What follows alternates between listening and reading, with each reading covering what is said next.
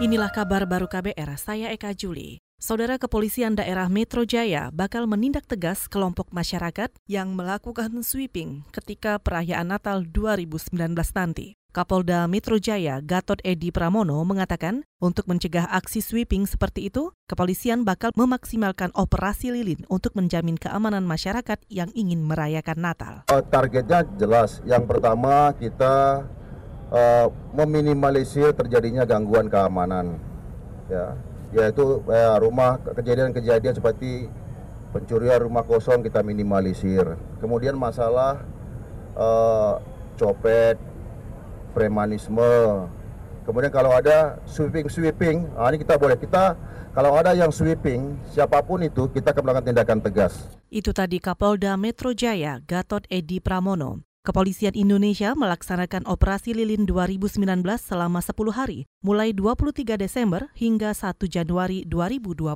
Operasi Lilin melibatkan hampir 200 ribu personil gabungan TNI, Polri, dan instansi lain seperti Satpol PP, Dinas Perhubungan, Dinas Kesehatan, hingga pemadam kebakaran. Kita ke Sumatera Utara. Pemerintah provinsi ini menyiapkan anggaran 5 miliar rupiah untuk mengatasi virus kolera babi yang mewabah di provinsi itu. Gubernur Sumatera Utara Edi Rahmayadi mengatakan anggaran itu akan digunakan untuk pengawasan babi yang terserang virus. Hingga saat ini lebih dari 29 ribu ekor babi mati terserang virus itu. Untuk patroli, satu. Yang kedua, pos-pos menutup jalan-jalan keluar masuk babi baik itu dari dalam maupun keluar maupun dari luar ke dalam.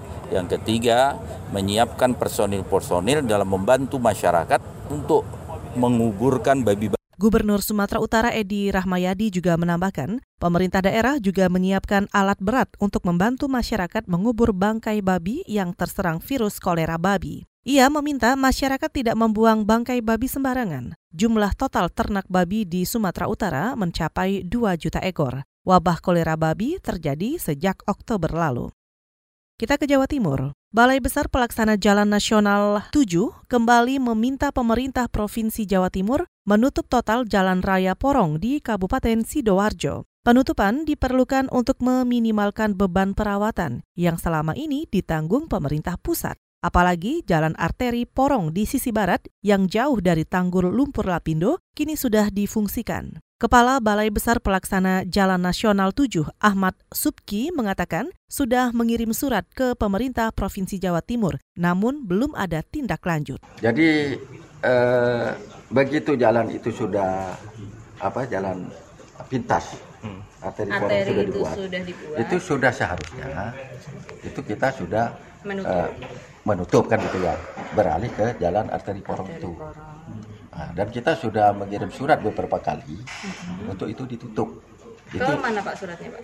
Ke provinsi, ke dinas perhubungan oh, gitu ya, ke dinas perhubungan supaya ditutup, tidak difungsikan lagi di situ.